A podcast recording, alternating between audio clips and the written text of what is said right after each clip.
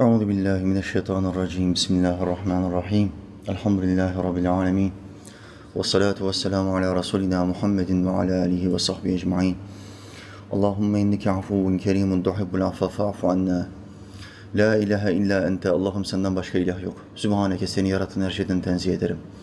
İnni küntü minez zalimin muhakkak ki ben nefsine zulmedenlerden oldum. Rabbena atina Rabbim bize ver. Fi dünya haseneten dünyada iyilikler ver. Ve fil ahireti haseneten ahirette de iyilikler ver. Ve qina azaben nar bizi ateşin azabından koru. Rabbena ufilli Rabbim beni affet. Ve li valideyye anamı babamı affet. Ve lil müminine bütün müminleri affet. Yevme yekûmul hisab o şiddetli hesap gününde. Rabbi eûzu bike min hemezâti şeyatîn. Rabbim vaaz vereceğim şeytanların dürtmelerinden sana sığınırım. Ve eûzu bike rabbe yahdurun ve onların yanımda hazır bulunmalarından da sana sığınırım. Rabbi şrahli sadri. Allah'ım şu sadrıma genişlik ver. Ve yessirli emri. Yapacağım şu güzel işi bana kolaylaştır.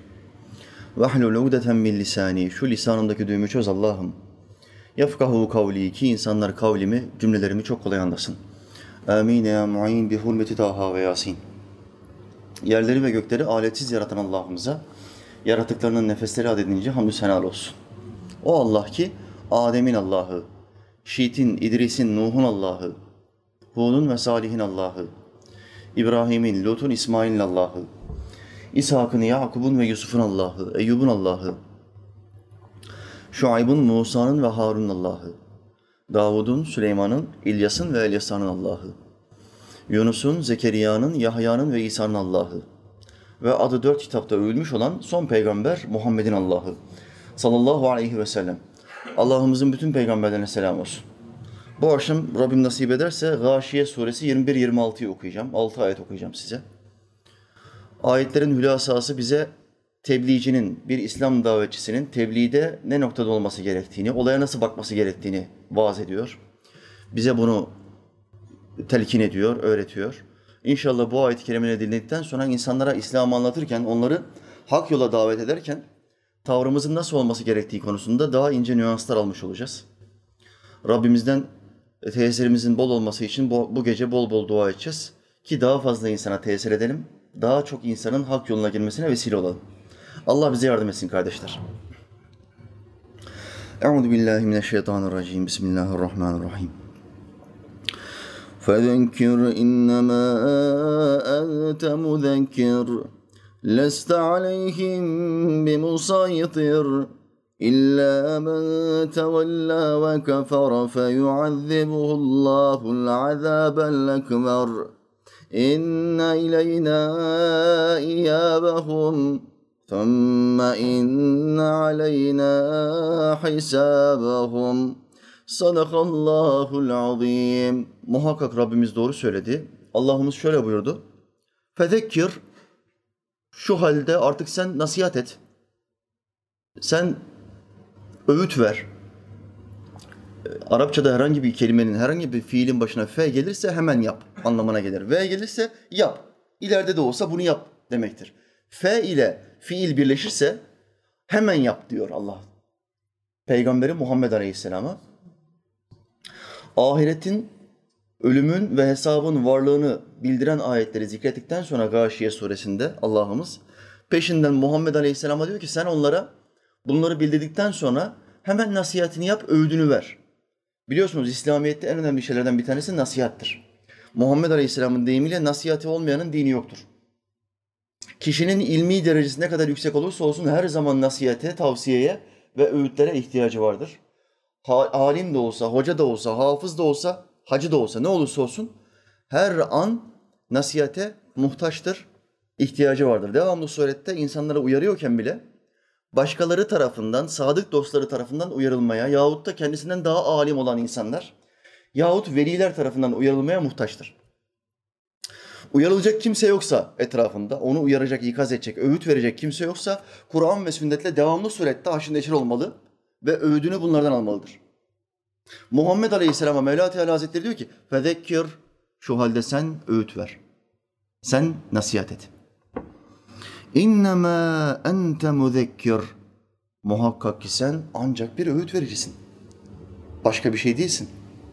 Öğüt verdikten sonra onların kalplerine elini sokup Bu tarafa doğru döneceksin, sağa döneceksin diye kalplerini evirip çeviremezsin. Kalpler kimin elindedir? Kimin iradesindedir? Allah Celle Celaluhu. Muhammed Aleyhisselam'a bile kalpleri eğip bükme kuvvetini vermemiştir. Kalbi eğip bükme kuvveti olsaydı hidayet etme kuvveti olurdu. Hidayet etme kuvveti olsaydı doğrudan iradesine temas edebilirdi. İslam'ı anlattığı herhangi bir insanın iradesine temas edebilirdi. Allah buna izin vermedi. Sadece onu mucizelerle kuvvetlendirdi, destekledi. Ahlakını çok güzelleştirmek suretiyle sözüne tesir verdi, haline tesir verdi ama kalbiyle oynama kuvvetini ne peygamberlere verdi ne şeytanlara verdi. Bakın iki zıt kuvvet peygamberler ve şeytanlar, iblis. Son peygamber Muhammed Aleyhisselam ve iblis iki zıt kuvvet. İblis devamlı surette bizi cehenneme götürmeye çalışıyor, kafir etmeye çalışıyor. Son peygamber Muhammed Aleyhisselam ise devamlı surette bütün dünyadaki insanları ırkı, dini, dili ne olursa olsun hepsini cennete götürmek istiyor. Tek amacı gayesi bu. İkisinde de kalbimizin içine parmaklarını koyup çevirebilme kuvvetini vermedi. İblis vesvese vazifesini yapıyor. Devamlı fit koyuyor. Namaz kılma boşuna gerek yok. Namazda aklın başka şeylere gidiyor. Boş iş bu. Uğraşma bunlarla. Fit koyuyor. İbadetten bizi uzaklaştırmak istiyor. Daha sonra dinden uzaklaştıracak. Deist yapacak. Muhammed Aleyhisselam ise devamlı surette hadisleriyle ve bize getirdiği Kur'an'la bize ilham veriyor. İlham. Onun varlığı, onun kelimeleri, sözleri bir ilham vesilesi. İki kuvvet de, iki zıt kutup da bizi devamlı surette bir yerlere davet ediyorlar. Burada Allah bizi ortada bırakmış. Tercih hakkı bizde. İster son peygamberin dediği yere gideriz, isterse en büyük düşmanımız olan iblisin dediği yere gideriz. Arkadaşlar, biliyorsunuz ki düşmanlarımız hiçbir zaman bizim iyiliğimizi istemez. Düşman dediğin zaman aklına ne gelir? Bizim en kötü halimizi görmek isteyen, bununla gururlanan, keyiflenen ve gülmek isteyen, kalbi bozuk. Düşman budur. Müslümanların en büyük düşmanları kafirlerdir. Onların yok olmalarını, bitmelerini isterler. Bakın, kardeş ülke Azerbaycan'la üç tanrıcı Ermenistan arasında şu anda bir savaş hali mevcut. Ermeniler ne söylediler? Sivilleri ilk vuranlar Ermeniler. Azerbaycan askeri Müslüman olduğu için, Allah'tan korktuğu için bir tane sivili öldürmedi. Patlak nereden, savaş nereden patlak verdi? Sivilleri öldürmelerinden, sivillere saldırmalarından dolayı patlak verdi. Hristiyanların, üç tanrıcıların. Azerbaycan ordusu da Türk devletinden aldığı sihalarla beraber hemen taarruza geçti. Ordusunu sahaya sürdü ve savaşa başladılar. Azerbaycan ordusunda tankları ve kamyonları ve araçları, nakil araçlarını kullanan askerler ne kullanıyorlar araçları kullanırken? Direksiyona oturanlar ne kullanmak zorunda? Bir üst kademedeki rütbeliler direksiyon başındaki askerin eline yani bileğine ve direksiyona bir kelepçe bağlamak zorunda kalıyor. Niye kelepçe bağlıyor? Çünkü korkuyor. Korkuyorlar. Araçları Azerbaycan askerlerine, Müslüman askerlerine teslim ediyorlar. Bırakıyorlar ve kaçıyorlar. Niye? Bizimkiler de bizim askerlerin taşıdığı can değil mi?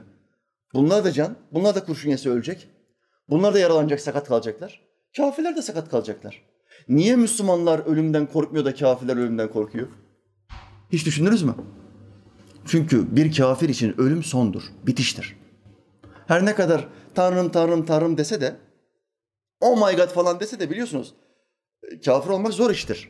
Ya biz Müslümanlar sıkıştık mı, korktuk mu hemen felak, nasıl ayetel kürsiye, şehadet getirmeye, söylemeye başlarız. Müslümanların sığınacak çok kapısı var elhamdülillah. Bu dualarla beraber Rabbimize sığınırız. Ama kafirin yapabileceği tek, tek şey var. Oh my God. Sıkıştığı anda, korktuğu anda söyleyebileceği tek kelime bu. Oh my God. Başka bir şey bilmez. Başka hiçbir şey yapamaz. Aramızda böyle bir fark var. Şimdi bu Ermeni askerleri bir görüyor Azerbaycan askerlerini. Ne felak okuyabiliyor, ne nas okuyabiliyor, ne şehadet getiriyor. Tek kelime. Oh my God diyor. Kontağı kapatıyor, aracı terk etmeye çalışıyor ama bileklerinde kelepçeli. Direksiyonla bilekleri kelepçeli olduğu için, ölümden korktuğu için kaçıyorlar. Kaçtıkları için komutanları ne yapıyor bunlara? Araç verdiklerine kelepçeli takıyorlar. Kaçmasınlar diye. Görüntüleri, video görüntülerini gördüm. Niye Müslümanlar kaçmıyor da kafirler kaçıyor? Çünkü onun için ölüm bir son. Müslüman içinse ölüm bir başlangıçtır. Rabb'a kavuşmanın başlangıcı. Artık bizim önümüzdeki en büyük engel olan bedenimiz ve nefsimiz aradan çıkıyor. Sadece ruhumuz kalıyor. Rabbimizle aramızdaki bütün perdeler kalkıyor. Berzah alemine geçiyoruz. Ve ahiretle bağlantımızı görüyoruz. Kıyamete kadar gideceğimiz yeri görüyoruz. Cennet bahçesinden bir bahçe. Kabrimiz bir bahçe oluyor. Allah kabrimizi doğu ve batı arası kadar genişletiyor. Ve bize gideceğimiz yeri cennete gösteriyor. Mevla Teala Hazretleri hepimize şehit olmayı ve cennete gitmeyi nasip etsin kardeşler. Biliyorsunuz İmam Gazali Hazretleri'nin meşhur bir sözü vardır. Diyor ki şehitler alimlerin yüce derecelerini gördüklerinde bu mertebelerine rağmen alim olsaydık diye temenni edeceklerdir. Şehitlik mertebesi çok yüce bir mertebe. Ama ondan bir üst mertebe var. Bir tık üstte. Kim bunlar? Alimler, peygamberlerin bir tık altındakiler, sıddıklar ve alimler. Niye şehitler en yüksek makama gelmiş olmalarına rağmen, Allah yolunda öldürülmelerine rağmen alimlerin makamlarını görünce keşke biz de alim olsaydık diyecekler? Niye? Çünkü alimler İslam'ı anlatmasaydı, alimler bu askerlere İslam'ı şehit olmanın nimetlerini öğretmeselerdi, bu askerler şehit olmak için can haraç bir şekilde ön safta koşturmazlardı. Bu yüzden alimler kaç kişinin şehit olmasına vesile oldu? Bir alim, bir hoca, bir vaiz. Anlattığı o ayetlerle, o hadislerle.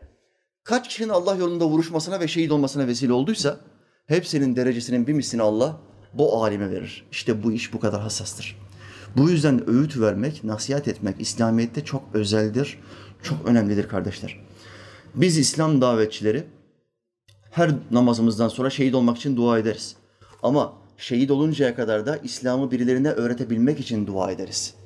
Birilerinin Allah'ın dinini öğrenmesine, İslam'ı yaşamasına ve yaşatmasına vesile olabilmek için dua ederiz. Lütfen bu taktiği, bu kurnazca hareketi namaz sonundaki dualarınızdan eksik etmeyiniz. Şimdi Müslümanlar zayıf olduğu için ne yapıyorlar? Ellerini açıyorlar. Allah'ım bana şunu ver, bana bunu ver diyorlar. Evet şeriatta böyle bir hakkın var. Dünyalık da isteyebilirsin Rabbinden. Hayırlı olan her şeyi isteyebilirsin. Helal olan her şeyi isteyebilirsin. Lakin bunlardan daha önce istemen gereken şey ebedi hayat makamı, cennet makamı, şehadet makamı ve ilim. Rabbim ilmimi arttır de Kur'an ayetidir. Allah peygamberine nasıl dua etmesi gerektiğini öğretiyor. Şöyle dua et. Rabbim ilmimi arttır de. İlmimi arttır. Peygamberden daha çok ilimli birisi var mı o dönemde? O beldede hangi belde olursa olsun bir peygamberden daha alim birisi olabilir mi? Olamaz. Peygamber olmasına rağmen, beldenin en alim kişisi olmasına rağmen nasıl dua etmesini istiyor Allah'ımız? Rabbim ilmimi arttır. Bu bizim için çok önemli bir ölçüdür. Bakın Muhammed Aleyhisselam'dan bir hadis-i şerif getirdim. Her kim dualarının kabulünü, gam ve üzüntülerinin def olup kaldırılmasını arzu ederse, sıkıntıda bulunanların imdadına yetişsin. Son peygamberin sözüdür. Övgüler ve selam üstüne olsun. Dualarının kabul edilmesini istiyor musun? Bütün gam, keder, her şeyin üzerinden kaldırılmasını istiyor musun? Sıkıntıda olanların imdadına yetiş. Adamın ne sıkıntısı var? Haramın içinde, günahın içinde, içki müptelalığı var. Sigara müptelalığı var, uyuşturucu müptelalığı var. Ya da flört, zina müptelalığı var. Kurtar bu adamı o işten. Onun sıkıntısını gider. Güzel örnek olmanla, ilmi örnekliğinle, verdiğin güzel yakınlaştırıcı örneklerle adamın o işi terk etmesine vesile olmaya çalış. O adamı sıkıntıdan kurtarmış olursun. Allah da senin ahirette on tane sıkıntını giderir. Sen dünyada birinin bir sıkıntısını giderdin ya. Allah ahirette senin on tane sıkıntını giderir ve seni şehitlerden daha üstün bir makama koyar.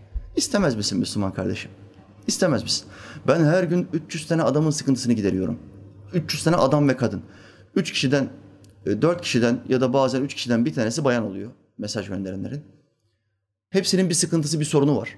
Yahut da bir fetva arayışı var. Bir darda kalmış fetva arıyor. Nasıl ben bunu kolay bir şekilde atlatabilirim? Harama girmeden, günaha girmeden. Hocam bana bir kapı, bir yol göster, bir delil ver. 300 kişinin sıkıntısını Allah'ıma şükürler olsun her gün gidermek bana nasip oluyor. Sadece benim ulaşabildiğim. Diğer sosyal medya hesaplarında da kardeşler var, talebeler var. Bunlar bakıyorlar. Bunlar benden çok daha fazla insana bakıyorlar. 500-600 kişi elhamdülillah. Farklı farklı kardeşlerimiz bizden öğrendikleri bilgilerle arşive koyduğumuz videolarla ve yazılarımızla bu insanlara sıkıntılarını gidermek adına yardımcı olmaya çalışıyorlar. Elhamdülillah bu görevi layıkıyla yerine getiriyorlar. Allah hepsinden razı olsun. Ben onlardan razıyım, Allah da onlardan razı olsun. Elhamdülillah bugüne kadar bizden bir kuruş bir şey talep etmediler. Çünkü görüyorlar ki biz kimseden bir kuruş bir şey talep etmiyoruz. Biz de ücretsiz bir şekilde bu yola yani İslam yoluna bir şeyler yapmak istiyoruz hocam dediler. Davamıza destek oldular kardeşlerimiz. Hem kendilerini ilmi olarak geliştiriyorlar hem de Müslümanların sıkıntılarını çözüyorlar. Kardeşler, o kadar çok dert dinliyorum ki bu 300 tane sualde. O kadar fazla ve farklı dertler dinliyorum ki kendimi dünyanın en zengin, en sağlıklı, en kuvvetli adamı gibi hissediyorum. O soruları okuyunca, milletin başındaki musibetleri, sıkıntıları görünce benim başımdaki sınavlar, musibetler yani çok basit geliyor. Çok çok zayıf geliyor onların sıkıntılarına göre. Kendimi dünyanın en zengin adamı gibi hissediyorum. En zengin, en sağlıklı, en mutlu, en huzurlu adamı benim. Benden daha huzurlusu yok diye görüyorum. İşte Allahu Teala Hazretleri diyor ki dünya işlerinizde her zaman kendinizden aşağıdakilere bakın. Kendinizden yukarıdakilere bakarsanız bulunduğunuz konumdan rahatsız olursunuz ve nankörlük edersiniz. Ahiret işlerinizde, mana işlerinizde hep kendinizden yukarıdakilere bakın. Onları örnek alın. Ben hala o seviyeye gelemedim. Benim bu adamı geçmem lazım dersiniz. Ama dünya işlerinizde kendinizden üsttekilere bakarsanız nankörlük edersiniz. Hep kendinizden aşağıdakilere bakın. Bak Allah bana böyle böyle nimetler vardı, verdi, bahşetti ama bu kuluna bunları vermedi. Onu yoklukla sınıyor. Ona verdiği musibetlerin onda birini bana vermedi. Be. Demek ki ben ondan daha zayıf bir karaktere sahibim. İmanım ondan daha zayıf. Kaldıramayacağımı bildiği için ondan daha düşük musibetler bana verdi. Diyeceksin. Muhammed Aleyhisselam bakış açımızı böyle orantılamaya çalışıyor. İşte İslam'a hizmet ederken insanların sorunlarını çözmek için hizmet et. Sıkıntılarını çözmek için hizmet et. Allah senin kabirde bir sürü sıkıntını çözer. Mahşerde bir sürü sıkıntını çözer. Bire on. Allah en az bire on verir. Bu onun vaadidir. Kur'an'daki vaadi. Yaptığınız her iyiliğe karşılık size bire on sevap vardır. Her iyiliğe karşılık bire on. Bu asgaridir. 700'e kadar çıkartma hakkına sahiptir. Allah'ımız vaadi var. Birden 700'e, ondan 700'e kadar yükseltebilir. Senin ihlasına bağlı olarak. Şu halde Müslüman kardeşim, fedekkir. Şu halde hemen nasip, nasihat et, hemen öğüt ver. Sen onlara öğüt ver. İnnemâ ente muzekkir. Sen öğüt vericiden başka bir şey değilsin. Bunu Muhammed Aleyhisselam'a söylüyor. Son peygamber mucizelerle desteklenmiş, kendisine bir şeriat, Kur'an verilmiş son peygambere sen sadece bir öğüt vericisin diyen Allah bize ne der? Ben sana namazı anlattım o kadar. Nasıl namaz kılmasın kafir? Dersen olur mu? Allah Muhammed Aleyhisselam'a sen sadece bir öğüt vericisin diyor. İnnemâ ente muzekkir. Sadece öğüt verici, nasihat edicisin. Kimseyi zorlayamazsın. Devam ediyor sonraki ayet. Leste aleyhim bi musaytir. Sen onların üzerine bir musaytir, bir musallat, bir bir zorba. Zorba değilsin. Zorbaları bilirsiniz. Zorlayıcılar. Okulda iki üç tane zorba serseri bir araya gelirler. Zayıf halkayı bulurlar. Genelde gözlüklü, göbekli, bilgisayarın, laptopun başından kalkmayan zayıf çocuklar. Bunları bulurlar. Kaç lira var cebinde der. Üç tane zorba arkadaş birleşmiştir ve gasp yaparlar. Bunlara zorba denir. Başka bir zorba, zorba ülke tarihimize bakın. Hani şimdi gençler diyor ya maske takmadığı için insana ceza kesilir mi ya? Böyle devlet mi olur ya? Gençler şimdi bunu söylüyor. Daha 15 sene öncesinden, 20 sene öncesinden bu ülkenin tarihinden habersiz olan gençler. Bütün hayatı 15-20 sene içinde bilen ve geçmişinden habersiz gençler böyle söylüyor. Arkadaşlar, efendiler, bu ülkede on binlerce insan sırf şapka takmadığı için öldürüldü. İdam edildi. Ya hocam şapka takmadığı için bir adam öldürülür mü ya? Böyle fantezi olur mu? Arkadaşlar çok az ülke kaynaklarına çok az bakın. Şapka takmadığı için kaç kişinin öldürüldüğünü bir araştırın. Sadece kafir şapkası, Frank şapkası İngiltere'den gemilerle parayla alınmış şapkaları takmadığı için kaç bin alim, derviş, talebe, Müslüman, halk öldürüldü bir araştırın. Buna zorba denir. Zalim, zorba. Örneği yakınlaştıracağım. Devlet reisimiz yarın bir kanun çıkarttı. Dedi ki arkadaşlar, ey halkım, ulusal sesleniş konuşması yaptı. Ve dedi ki, yarından itibaren herkes bu ülkede sarık takmak zorunda. Sarık takmayanları meydanda asacağım. Ne denir bu adama? Zalim, zorba. Zorba. Arkadaş sarık takmak sünnettir. Ben sarık takmadığım için niye sen bana öldürmeyle tehdit ediyorsun ki? İster takarım ister takmam. Bu benim kendi irademde olan bir şeydir ya. Bir sünneti eksik yapıyorum. Muhammed Aleyhisselam'la aramda sen bir jandarma değilsin ki. Sana ne? Sen kendi işine bak. Belki benim görünmediğim yerlerinde, görünmediğim fiillerinde senin yapmadığın 20 tane sünneti yapıyorum. Ama senin görünen bir yerinde bir tane sünnetin benden fazla olduğu için niye bana tepeden bakıyorsun? Niye bana kibir yapıyorsun? Sarık takmayan bir adamı assalar, bu ülkede bir kanun çıkartsalar zorba der misiniz? Zalim der misiniz? Dersiniz. Bu ülkede Frank şapkası takmadığı için on binlerce insan asıldı meydanlarda. Bizi dinlemezseniz böyle yaparız dediler. Buna zorba denir.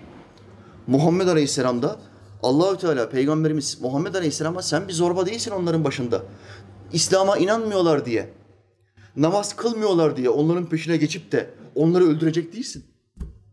Onları zorlayacak değilsin. Hayır. Sen sadece basit bir tebliğcisin. Tebliğ edeceksin. Nasihat vereceksin. İşte İslam budur. Allahü Teala sözlerimize tesir versin kardeşler. Amin amin.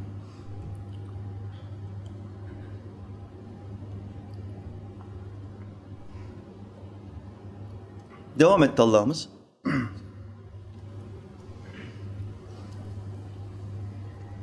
İlla men tevella ve kefer. Her kim ki tevella yaparsa, yüz çevirirse ve kefer ve küfrederse yani inkar ederse, kefer küfür kelimesi inkar demektir. Güneşin varlığını inkar etmek gibi. Aranızdan herhangi birisi güneş diye bir şey yok derse bu adama küfür etti der. Yani inkar ediyor, tekfir ediyor. Çok açık, bariz bir şekilde bütün dünyayı ve evreni aydınlatan, en azından bizim galaksimizi, Samanyolu'nu aydınlatan güneşin varlığını inkar ediyor. Bu adam küfür etti. Yalan söylüyor.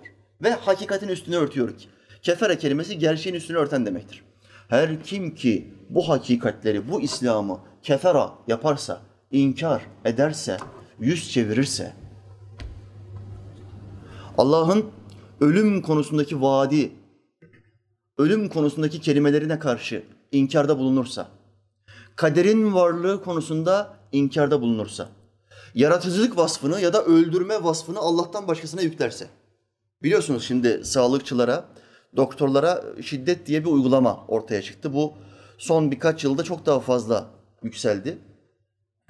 İnsanlar doktorları döverken sosyal medya cep telefonlarından kayıt altına alıyorlar ve sosyal medya hesaplarında paylaşıyorlar.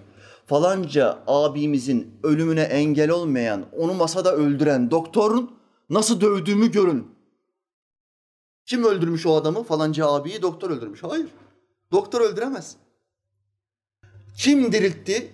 Kim sağlığına kavuşturdu falancayı? Doktor sağlığına kavuştu. Hayır. Doktor sağlığına kavuşturamaz. Doktor sadece değişmiş olan bedeni dengelerini, fiziksel yapısındaki sağlık dengelerini, dengesi bozulmuş olan dengeleri normal seviyesine getirebilir. Ve iyileşmesi için dua eder. Başka bir şey yapamaz doktor. Mesela kolu kesilmiş bir adamın kolunu doktor birleştiremez. Kaynatamaz. Doktorun yapabileceği tek şey dikmektir. Kaynama işi kimdedir? Allah Celle Celaluhu. O deriyi kayna diye emir verirse hücreler bir anda çalışmaya başlar ve birkaç gün içinde deri kaynar. O dikiş işe yarar. Kaynama diye emir verirse şeker hastalarında görmüyor musunuz? Bir ay, iki ay boyunca dikişler kaynamıyor. İrin çıkmaya devam ediyor. Oradan içeriden irin ve kan çıkmaya devam ediyor. İki ay boyunca. Ama şeker hastası olmayan bir adamın dört günde, beş günde kesik kaynıyor. Bu, bu fark nereden geliyor? Allah hücrelere derse ki kaynayın, birleşin. Ben iyileşmesini murad ettim. Hemen iyileşir. Doktor sabaha kadar onun başında otursun, dua etsin. Allah'ım bu kolu birleştir, Allah'ım bu kolu birleştir, bu kesiyi birleştir diye dua etsin sabaha kadar. Birleşmez. O, o doktorun işi değil o. O Allah'ın işidir. Dolayısıyla bu doktorlara eziyet veren, bu doktorları döven cahil Müslümanlar niye doktorları dövüyor? Çünkü doktorlara ve sağlıkçılara ilahlık vasfı yüklüyorlar. Yaşatmanın, hayata tutmanın ya da öldürmenin onların elinde olduğunu düşünüyorlar. Hayır. Doktorların görev tanımında, sağlıkçıların görev tanımında yaşatmak ya da öldürmek yoktur. Görev tanımı çok basit. Değişen vücut dengelerini düzene sokma. Düzene sokar, geri çekilir, bekler. Doktor her şeyi yapıyor. Ee, bütün ciğerleri korona dolmuş. Entübeyi alıyorlar. Yoğun bakımdan bir üst kademe entübe vardır. Gırtlağından içeriye, ciğerlerin içine kadar bir boru sokuyorlar. Yüzüstü seni yatırıyorlar. Yüzüstü. Ne sağa kıpırdayabiliyorsun ne sola kıpırdayabiliyorsun. Hiçbir şey yiyip içemiyorsun. Doktor orada bekliyor. Sana serum veriyorlar. Gıdanı serumdan alıyorsun. Nefesini de o aletten almak zorundasın. Alet olmazsa, aleti çıkarsa 5 dakika, 10 dakika içinde takla. Doktor her şeyi yapıyor. Entübeyi de veriyor. Serumu da koyuyor. Sonra ailesi diyor ki ne var durum nedir doktor bey ne yapabiliriz? Ne gerekiyorsa yapın paramız var korkmayın. Doktor diyor ki gereken her şeyi yaptık. Bundan sonrası Allah'a aittir. Akıllı bir doktor, inançlı bir doktor. Ancak bunu söyler, başka bir şey yapamaz. Adam üç gün sonra yapılan her şey yerine getirildikten sonra üç gün sonra dayanamıyor. Biliyorsunuz bu korona denen bela zengin bakmıyor, fakir bakmıyor. Genç bakmıyor, yaşlı bakmıyor. Mercedes'e biniyor, Şahin'e biniyor, bakmıyor. Hepsini götürüyor. Her gün 55-60 tane adamımız gidiyor kardeşler. 55-60 vatandaşımız her gün ölüyor. Allah günahlarını affetsin. Şehit olarak kabul etsin. Hepsini şehit olarak kabul etsin. Allah'ım ya Rabbim. Zengin fakir bakmıyor, rütbeli rütbesiz bakmıyor. Siyasiymiş, vasat sıradan halkmış, hi bakmıyor. Korona takla hemen götürüyor.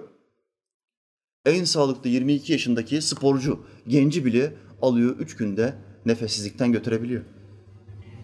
Ve sonra o insanlar, o cahil insanlar öfkelerini bir şeyde yoğunlaştırıyorlar.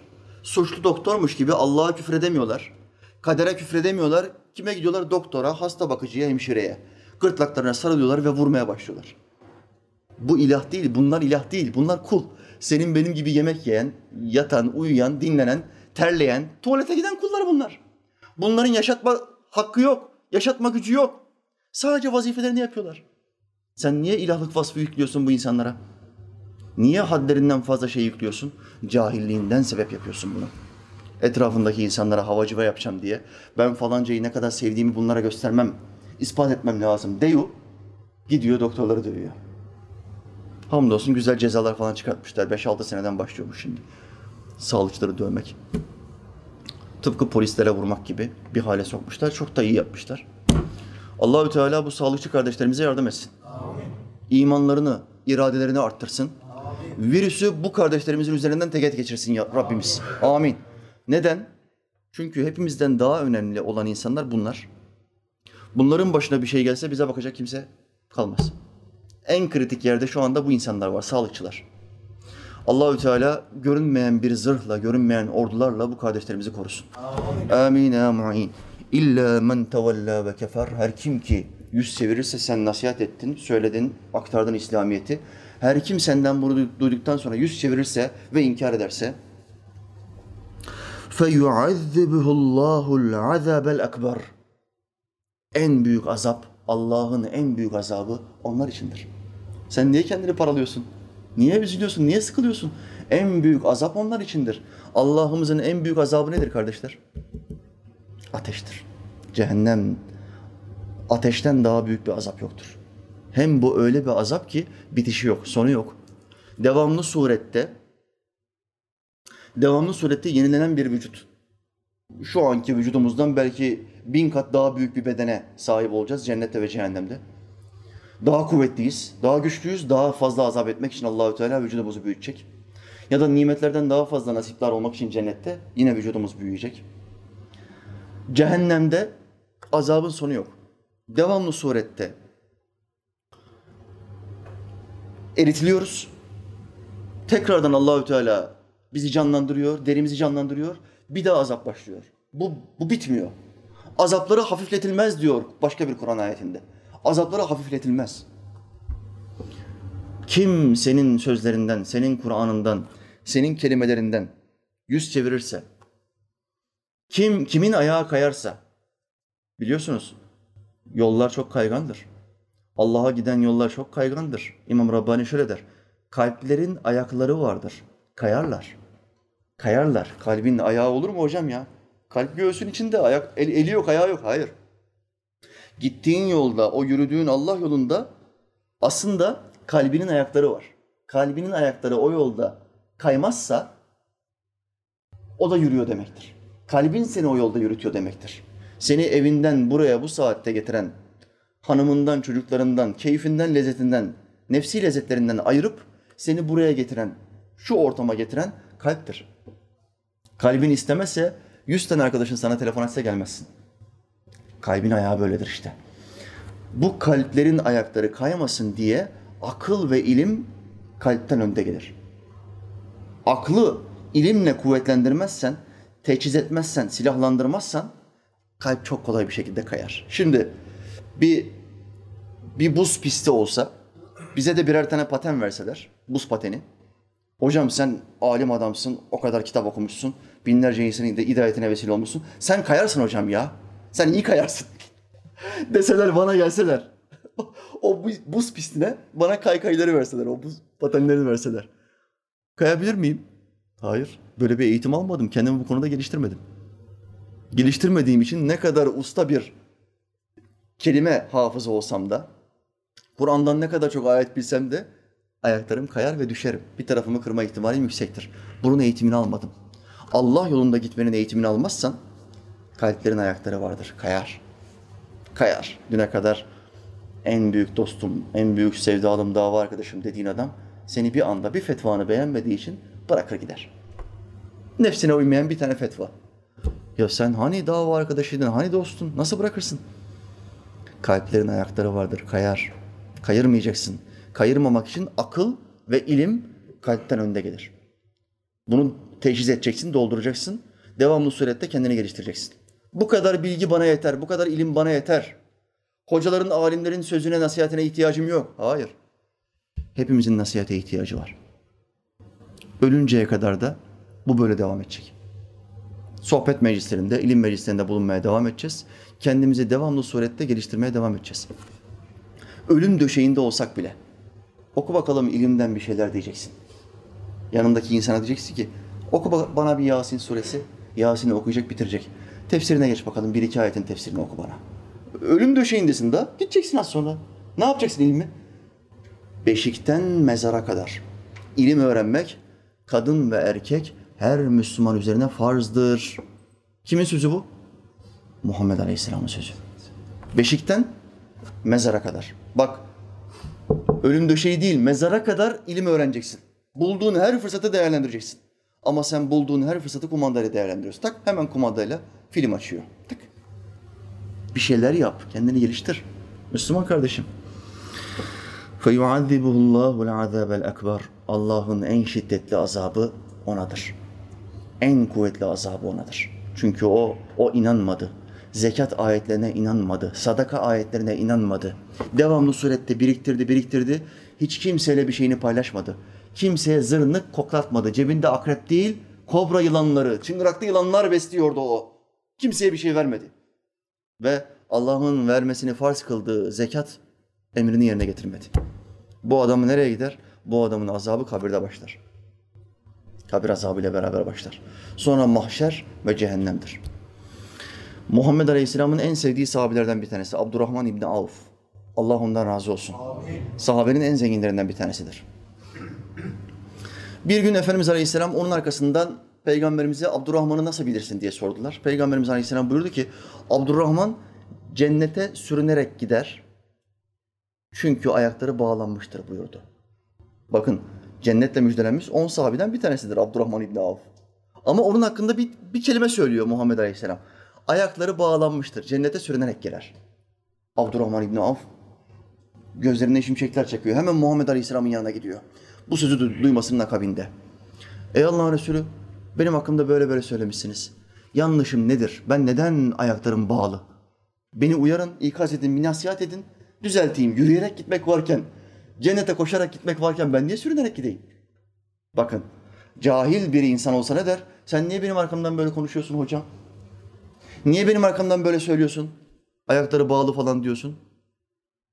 Yanlışım nedir demen gerekirken, abi, hocam benim yanlışım nedir? Beni bir ikaz et, nasihat et demen gerekirken niye benim hakkımda böyle söylemişsin falancaya? Deyiveriyorsun. Ama Abdurrahman İbni Avf'a bak. Ey Allah'ın Resulü yanlışım nedir? Beni uyar. Nasihat et. Efendimiz Aleyhisselam buyurdu ki ey Abdurrahman cennete yürüyerek gitmek istiyorsan, ayaklarının bağı çözülsün istiyorsan Allah'a borç vereceksin. Ey Allah'ın Resulü Allah'a nasıl borç, borç verebilirim? Allah'ın neye ihtiyacı var kardeşler? Müstahanidir. Samettir. Hiçbir şeye ihtiyacı yok. Hiç kimseye ihtiyacı yok.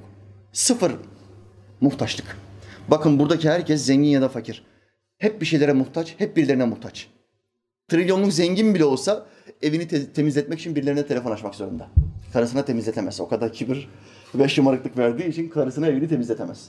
Telefon açıp evine temizlikçi çağırmak zorunda. Bakın parası var ama insana muhtaç. Telefon açmak zorunda. İyi, iyi birkaç tane arkadaş gönderebilir misin evimi temizlesinler?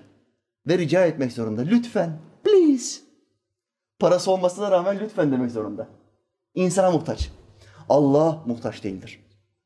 Hiç, hiç kimseye ve hiçbir şeye muhtaç değildir.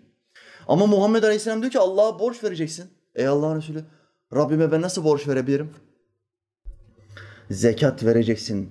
İhtiyaç sahibi kullara zekat verirsen Allah'a borç vermiş olursun. Fakir fukaraya sadaka verirsen, insanlara hayırda hasenatta yardımda bulunursan Allah'a borç vermiş olursun. Hastaları yataklarında ziyaret edersen Allah'ı ziyaret etmiş olursun. Allah'a borç vermiş olursun. Gerçekten ihtiyaç sahibi biri- birilerine borç verirsen, karza hasen yaparsan, İslam'da bunun tabiri karza hasendir, borç vermek. İleride karşılığını almak niyetiyle borç vermek. Bunu yaparsan Allah'a borç vermiş olursun, ayakların çözülür. Ey Abdurrahman dedi. Abdurrahman İbni Avf bu sözü duyduktan sonra ne yaptı biliyor musunuz? Malının yarısını tasadduk etti. Zekat emri biliyorsunuz malının yüzde iki buçuğudur. Kırkta bir. Ama diğerini peki malının yarısını veriyor çünkü yüzde elli. Tıpkı Hazreti Ömer gibi. Allah o ikisinden razı olsun.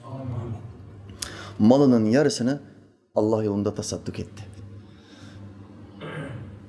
Cennetle müjdelenmiş 10 sahabeden bir tanesi oldu. Abdurrahman İbni Avf radıyallahu anh. Allahü Teala mahşerde ellerini öpmeyi bize nasip etsin. Amin kardeşler. İşte bu yüz çevirmemiş bir insan. Bu İslam'dan yüz çevirmemiş, Allah'ın kendisine verdiği nimetleri paylaşmakla çoğaltan ve Allah'a borç veren bir insan. Bizim için örnek olarak, güzel bir örnek olarak yeterli değil midir? Yetmez midir? Yeter. Yeter. Bulunduğunuz konuma asla güvenmeyin. Bulunduğunuz duruma, adamınızın, ayağınızın olduğu yere asla güvenmeyin. Çünkü kalplerin ayakları vardır, kayar. Bir anda kayabilirsiniz, bir anda gidebilirsiniz. Belamı uğrayı unutmayın. Bir anda kayıverdi. Bir anda küçük dünya menfaatlerine sattı Allah'ın dinini. Peygamber Musa Aleyhisselam'a hakaret etti, beddua etti. Ve Allah dili sarkık köpek gibi yaptık diyor ona. Karun'u unutmayın. Musa Aleyhisselam'ın akrabası. Simya ilmini öğrendi. Taşı altına çevirme ilmini öğrendi. Dünyanın en zengin adamı oldu. Ama Allah onu sarayıyla beraber, altınlarıyla beraber yerin dibine gömdü. Kafir olarak gitti. Bulunduğun konumla asla gururlanma. Ne olacağın belli değil çünkü. Hazreti Ömer'e geldiler. Sahabeler övdüler, övdüler, methettiler. Ey halife sen şöylesin, sen böylesin. Muhammed Aleyhisselam senin hakkında benden sonra bir peygamber gelseydi bu kesin Ömer olurdu dedi. Son peygamber Muhammed Aleyhisselam seni övdü, methetti. Cennette müjdelenmiş on sahabeden bir tanesi oldun deyince halifemiz ne dedi? O eskiden de efendiler. O eskiden de halife olmadığım dönemde Muhammed Aleyhisselam'ın dava arkadaşıydım. Sorumluluk tamamen peygamberdeydi. Biz etrafında davasına destek oluyorduk. O zaman bizi cennette müjdeledi. Şimdi dava bizim elimize geldi. Rütbe, en üst rütbe bizde. Hilafet, halifelik. Ve bu rütbede, bu rütbe elimizdeyken kimsenin kul hakkına girmememiz gerekiyor. Bir adamın devesi kaybolsa Allah hesabını Ömer'den sorar. Açlıktan bir bir kuzu ölse, açlıktan bir kuzu ölse, bir hayvan telef olsa hesabını Allah Ömer'den sorar. Artık sorumluluğumuz çok daha fazla arttı. Bu yüzden o eskidendi. Bize rüyamızda gelse, biz aksakallı dede dese ki sen de 10 artı birsin be. 10 artı birsin sen de. Aşere-i Mübeşşere'den 10 artı birsin sen Kerem dese biz ne yaparız? Başkan, dernek başkanı artık sohbet ilave ediyorum, kaldırıyorum. Sohbet bitmiştir. 10 artı birim ben, cennette müjdelendim. Aldanırsın, kanarsın. Ama halifemiz Ömer bizzat Muhammed Aleyhisselam'dan hayatı boyunca yalan söylememiş bir insan. Ondan sen cennette benim komşum olacaksın ya Ömer. Ben cennette senin köşkündeki hurileri gördüm ya Ömer.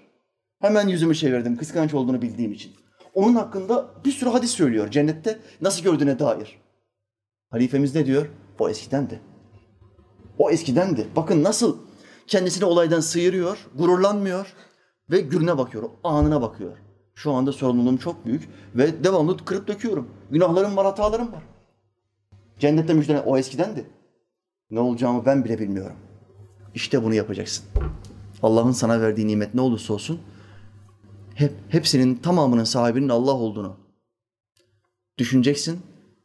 Emaneti, nimeti Allah'a teslim et ve son nefesinde şehadeti sana nasip etmesi için ona dua et. Devamlı ondan iste. Allah'ım bizi şehadetsiz öbür tarafa götürme ya Rabbi. Amin ya mu'in.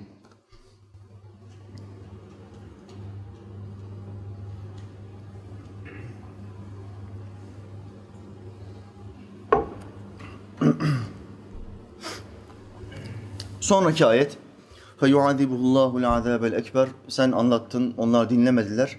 Bizim için, biz onlar için en büyük azabı hazırlamışız. Sen hiç sıkılma, üzülme. İnne ileyna iyabahum muhakkak ki onların dönüşü ancak bizedir. Sen niye sıkılıyorsun ki? Dönüşü nereye kaçarsa kaçsın. İsterse Mars'ta koloni kursun. İsterse Andromeda'ya geçsin. Ben Samanyolu galaksisinden sıkıldım. Teknolojimiz de çok ilerledi. Andromeda'ya gidiyorum. Orada da bir dünya gibi bir yer varmış desin. Dünyaya kaçsın. Ölecek mi, ölmeyecek mi? Sorun çok basit. Kainatın hangi galaksisine giderse gitsin. Biliyorsunuz Samanyolu'na en yakın galaksi Andromeda'dır. İsterse Andromeda'ya gitsin. Daha Mars'a bile gidemiyoruz. Sadece robotlar gidebiliyor Mars'a. Resim falan çekebiliyorlar. İnsan gidebilmiş değil. Andromeda'ya gitse, orada ikinci bir dünya bulsa. Bu adam ölecek mi, ölmeyecek mi? Bu kadın ölecek mi, ölmeyecek mi? Sorun basittir. Ölecek. İnne ileyna iyabuhum. Onların dönüşü ancak bizedir. İstediği yere kaçsın, dönüşü bizedir. İstediği kadar inkar etsin, istediği kadar İslam'a küfretsin. Sen niye üzülüyorsun? Onların dönüşü bana. Hesap bana ait. Ne yaparsa yapsın. Namaz kılmıyormuş.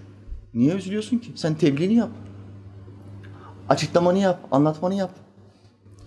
Sonuçlarının ne olduğunu bildir, çekil. Geri çekil ve sadece izle. Sıkılma. Dertlenme, kederlenme. Onun adına üzül. Onun adına üzül. Ve ona dua et. Allah hidayet versin diye ona dua et. Esnaf arkadaşıma birisi geldi. Dedi ki ya biraz borca ihtiyacım var. 10 bin, 20 bin bir şeyler varsa bana ver dedi. Kardeşim de şöyle dedi. Kardeşim beş vakit namaz kılıyor musun sen? Adam şaşırdı. Dur, duraksadı ve şöyle dedi. Hayır kılmıyorum. Ya sen Allah'a olan borcunu ödemiyorsun. Beş vakit namazı ödemiyorsun. Bana olan borcunu hayatta ödemezsin. Allah senden bu borcu, bu hesabı kesin olarak alır mı? Batak verme şansı yok. Allah'a karşı batak verme şansı ya da unutma şansı yok. Her şeyimiz, her saniyemiz kayıt altında. Kim zerre kadar şer işlerse karşılığını görür. Ayeti kapı gibi ortada.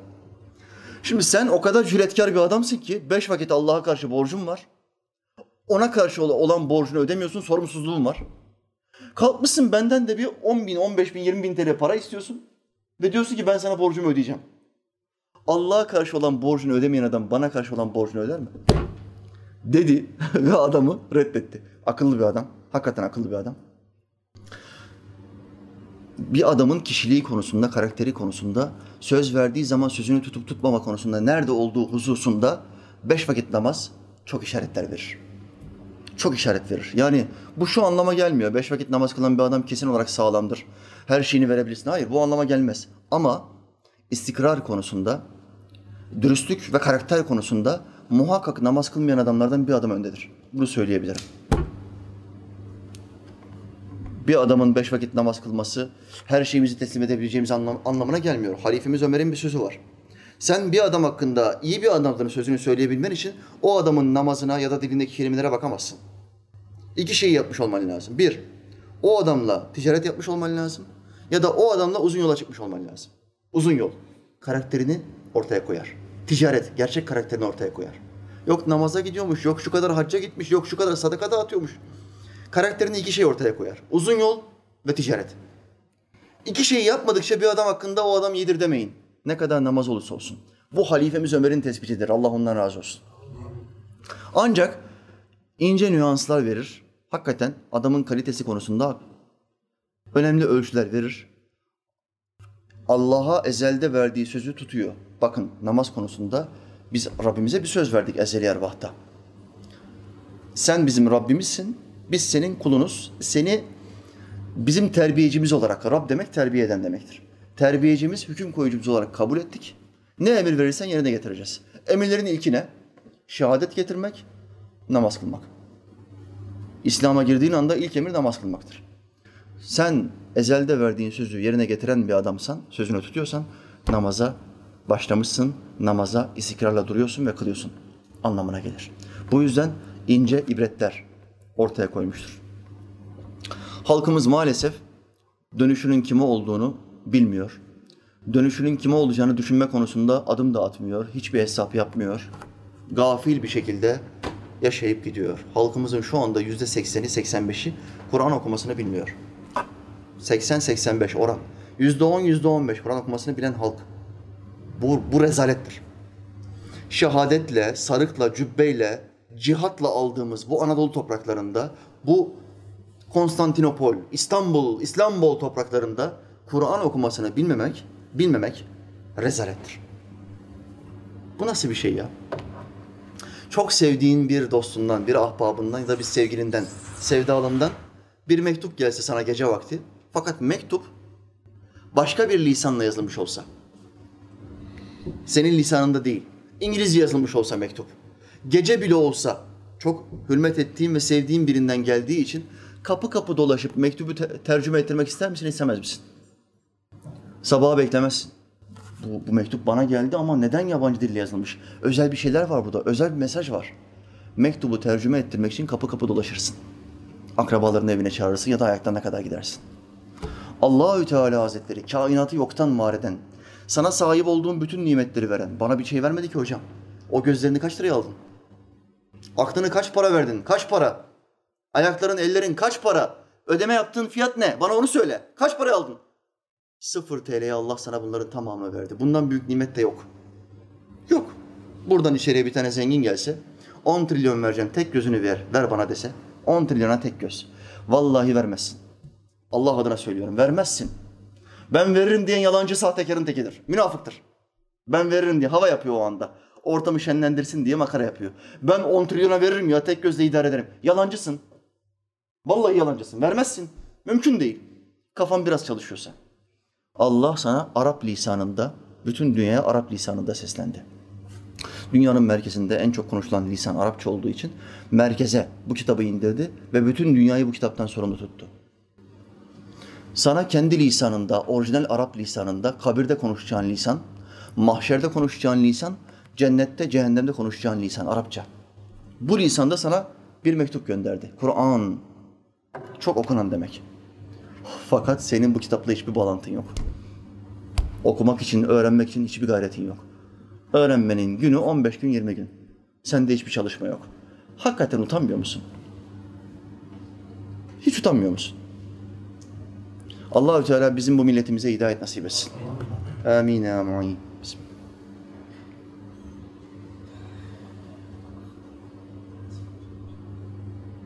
Son ayet. İnne ileyna iyâbehum. Muhakkak onların dönüşü ancak bizedir. Thümme sonra inne aleyna hisâbehum. Muhakkak ki onların hesabı da bize aittir. Dönüşü öldükten sonra dönüş bize ait. O dönüş orada bitmiyor kardeşler biliyorsunuz. İslamiyet'te kafire terazi yoktur.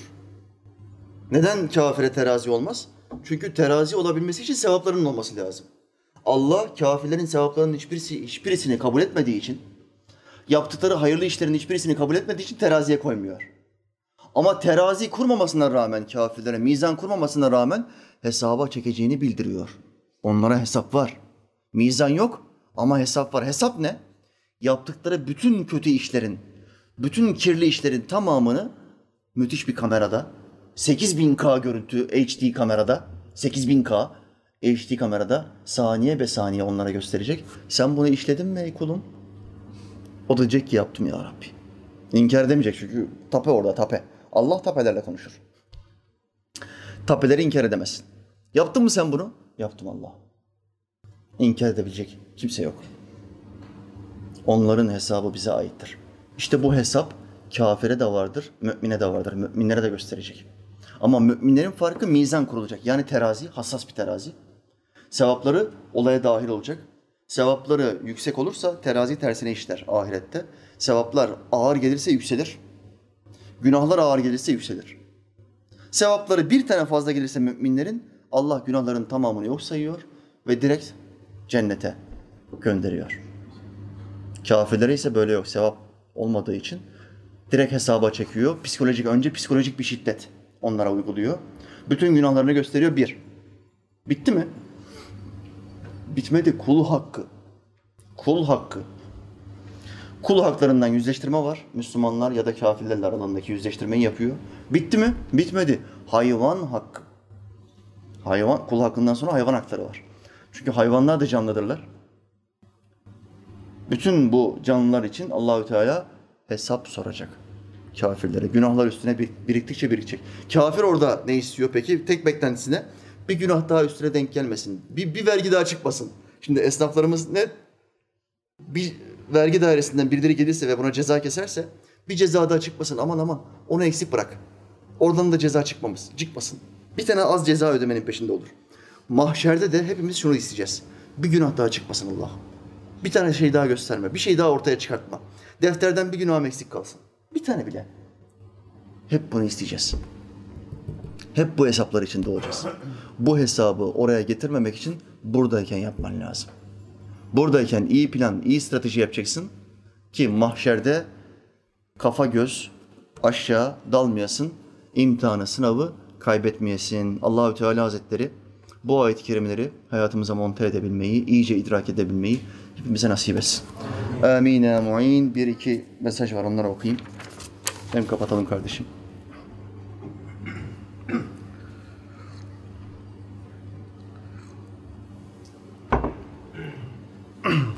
Hocam bu olanlar hep senin yüzünden. Önce bir sert giriş yapmış. Gerçi Cübbeli hocam da çok tesirli oldu ama esas sorumlusu sizsiniz. Sorumlusu senin yüzünden kötü gibi giri, giriş kötü gibi. Sohbetleriniz, vaazlarınız bana içkiyi bıraktırdı. Bak çok e, müptelası olduğum bir alışkanlık, nefsime çok haz veren bir alışkanlığı bıraktım. Senin yüzünden. Yetmedi tövbe ettirdi. Tamamen terk ettim, tövbe ettim artık geri dönüşüm yok. Yetmedi namaza ve kazalara başladım. Elhamdülillah, elhamdülillah. Bak artıya geçiyor şimdi. Gene yetmedi umreye geldim, ihrama girdim, hala Mekke'deyim. O kadar geçmişteki aylarda gelmiş ki mesaj. Hala Mekke'de kardeşim. 10 gün daha buradayım. Size olan muhabbetime ancak bu dua ile teşekkür edebildim. Alemlere rahmet Efendimiz Aleyhisselatü Vesselam altın oluğun altına geldiğinde rivayete göre bu duayı edermiş. Ölüm anında rahatlık, hesap anında af istermiş. Ben size çok yakıştırdım. Tavaf anında oraya her geldiğimde mutlaka size bu duayı ettim. İnşallah kabul olur. Kardeşim inşallah duan benim ve buradaki bütün Müslüman kardeşlerimin ekran başında bizi izleyen, izleyen bütün Müslüman kardeşlerimiz için de duan kabul olur. Ölüm anında imanımızı bize hatırlatacak olan bir melek, bir veli zat ya da bir peygamber karşımızda temessül eder ve bize şehadeti telkin eder. Amin inşallah. Rabbim size adın cennetinde bir köşk versin hocam. Allah'a emanet olun. Adın cenneti cennetlerin merkezindedir. En üstünüdür. Orada bir köşk bize vermesi için kardeşimiz dua etmiş. Allah'ım bu kardeşimin duasını kabul etsin. Amin. Amin. Bir tane daha var. Hocam ben de ağınıza takıldım. Beş aydır, beş altı aydır senin sohbetlerini dinliyorum.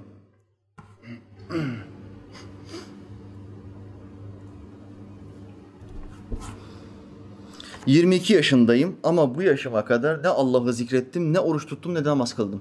22 sene. Allahsız, zikirsiz, ibadetsiz geçmiş olan bomboş 22 yıl. Hiçbir şey yapmadım. Hocam, sohbetlerin beni çok etkiledi. Senin vesilen ve Rabbimin tecellisiyle beş vakit namaz kılmaya başladım. Elhamdülillah. Kazalarımı aradan çıkarmaya başladım ve Allah'ı çokça zikrediyorum. Özellikle Rabbimi zikretmek bana inanılmaz bir haz veriyor artık bunun lezzetini aldı. Allah'ı zikretme lezzetine başladığı zaman bir adam bal tadı oluşur. Kalbinde, ciğerlerinde, göğsünde bir genişleme. Bir huzur hali, ağzında, dilinde bir bal tadı. Balı, gerçek bal. Şimdiki o 5 kavanoz 100 TL ballarından bahsetmiyorum ben kardeşler. 5 kavanoz 100 TL. Ya 5 kavanoz 100 TL bal olur mu? Sen ki- kime çakallık yapıyorsun sen ya? Biz Zeytinburnu çocuğuz ya. Kime çakallık yapıyorsun? 5 kavanoz bal 100 TL. Full şeker. Basmış şekeri, basmış şekeri. Sarı boyayı da koymuş oraya. 5 kavanoz 100 TL diye yutturmaya çalışıyor. Yiyorsun, yiyorsun sonra şeker hastası oluyorsun. Zikrin lezzetini almaya başladığın zaman gerçek bal hazını alırsın. Ben o baldan bir iki kaşık askerlik yaptığım yerde gerçek baldan yemiştim. Öyle bir şey ki balı ağzıma attığım anda başından ayak tırnaklarıma kadar bir ateş, bir alev. Dedim ne oluyor? Süper güçlere falan mı kavuştum acaba? Bir terleme hali dedim ne oluyor kumandanım? Bu dedi gerçek baldır. Gerçek bal adamı yakar. Müthiş bir enerji verir. Dehşet bir şeydi. Çokça Allah'ı çokça zikrediyorum. Özellikle Rabbimi zikretmek bana inanılmaz bir haz veriyor. Pişman olup Allah'a gözüm yaşlı tövbe ettim ve her şey böyle gelişti. Allah'a yöneliş pişman olup tövbe etmeyle. Göz yaşında gö- gözlerden birer damla yaş geldi mi kardeş Allah seni affetti, tertemiz yaptı. Bu bu işarettir. Tövbe ettikten hemen sonra beş vakit namazı öğrenme isteği oluştu birden hocam. Beş vakit namazı nasıl öğreneceksin en kolay? YouTube'a nasıl namaz kılınır yaz. Hemen namaz kılınır şekilleri, okuyacağın dualar falan her şey detaylı bir şekilde videoda hem erkek kardeşlerim için hem bayan kardeşlerim için mevcuttur kardeşler. Buradan çok kolay bir şekilde öğrenebilirsiniz. Kötü alışkanlıklarım vardı. Onlardan bir anda tiksinti geldi ve onları da terk ettim. Sigara gibi bir, bir pislik vardı hocam. Bıraktım. Onu da bıraktım. Senin vesilen ve Rabbimin tecellisiyle. Elhamdülillah. Sana da dua ettim hocam. Sana çok teşekkür ederim. Hayatımı kurtarabilmem için vesile oldun sevgili hocam. İkisini birden. İkisini birden derken neyi kastediyor? Bir, hem dünya hayatımdaki pislikleri terk ettim. Cebimdeki para cebimde kalıyor.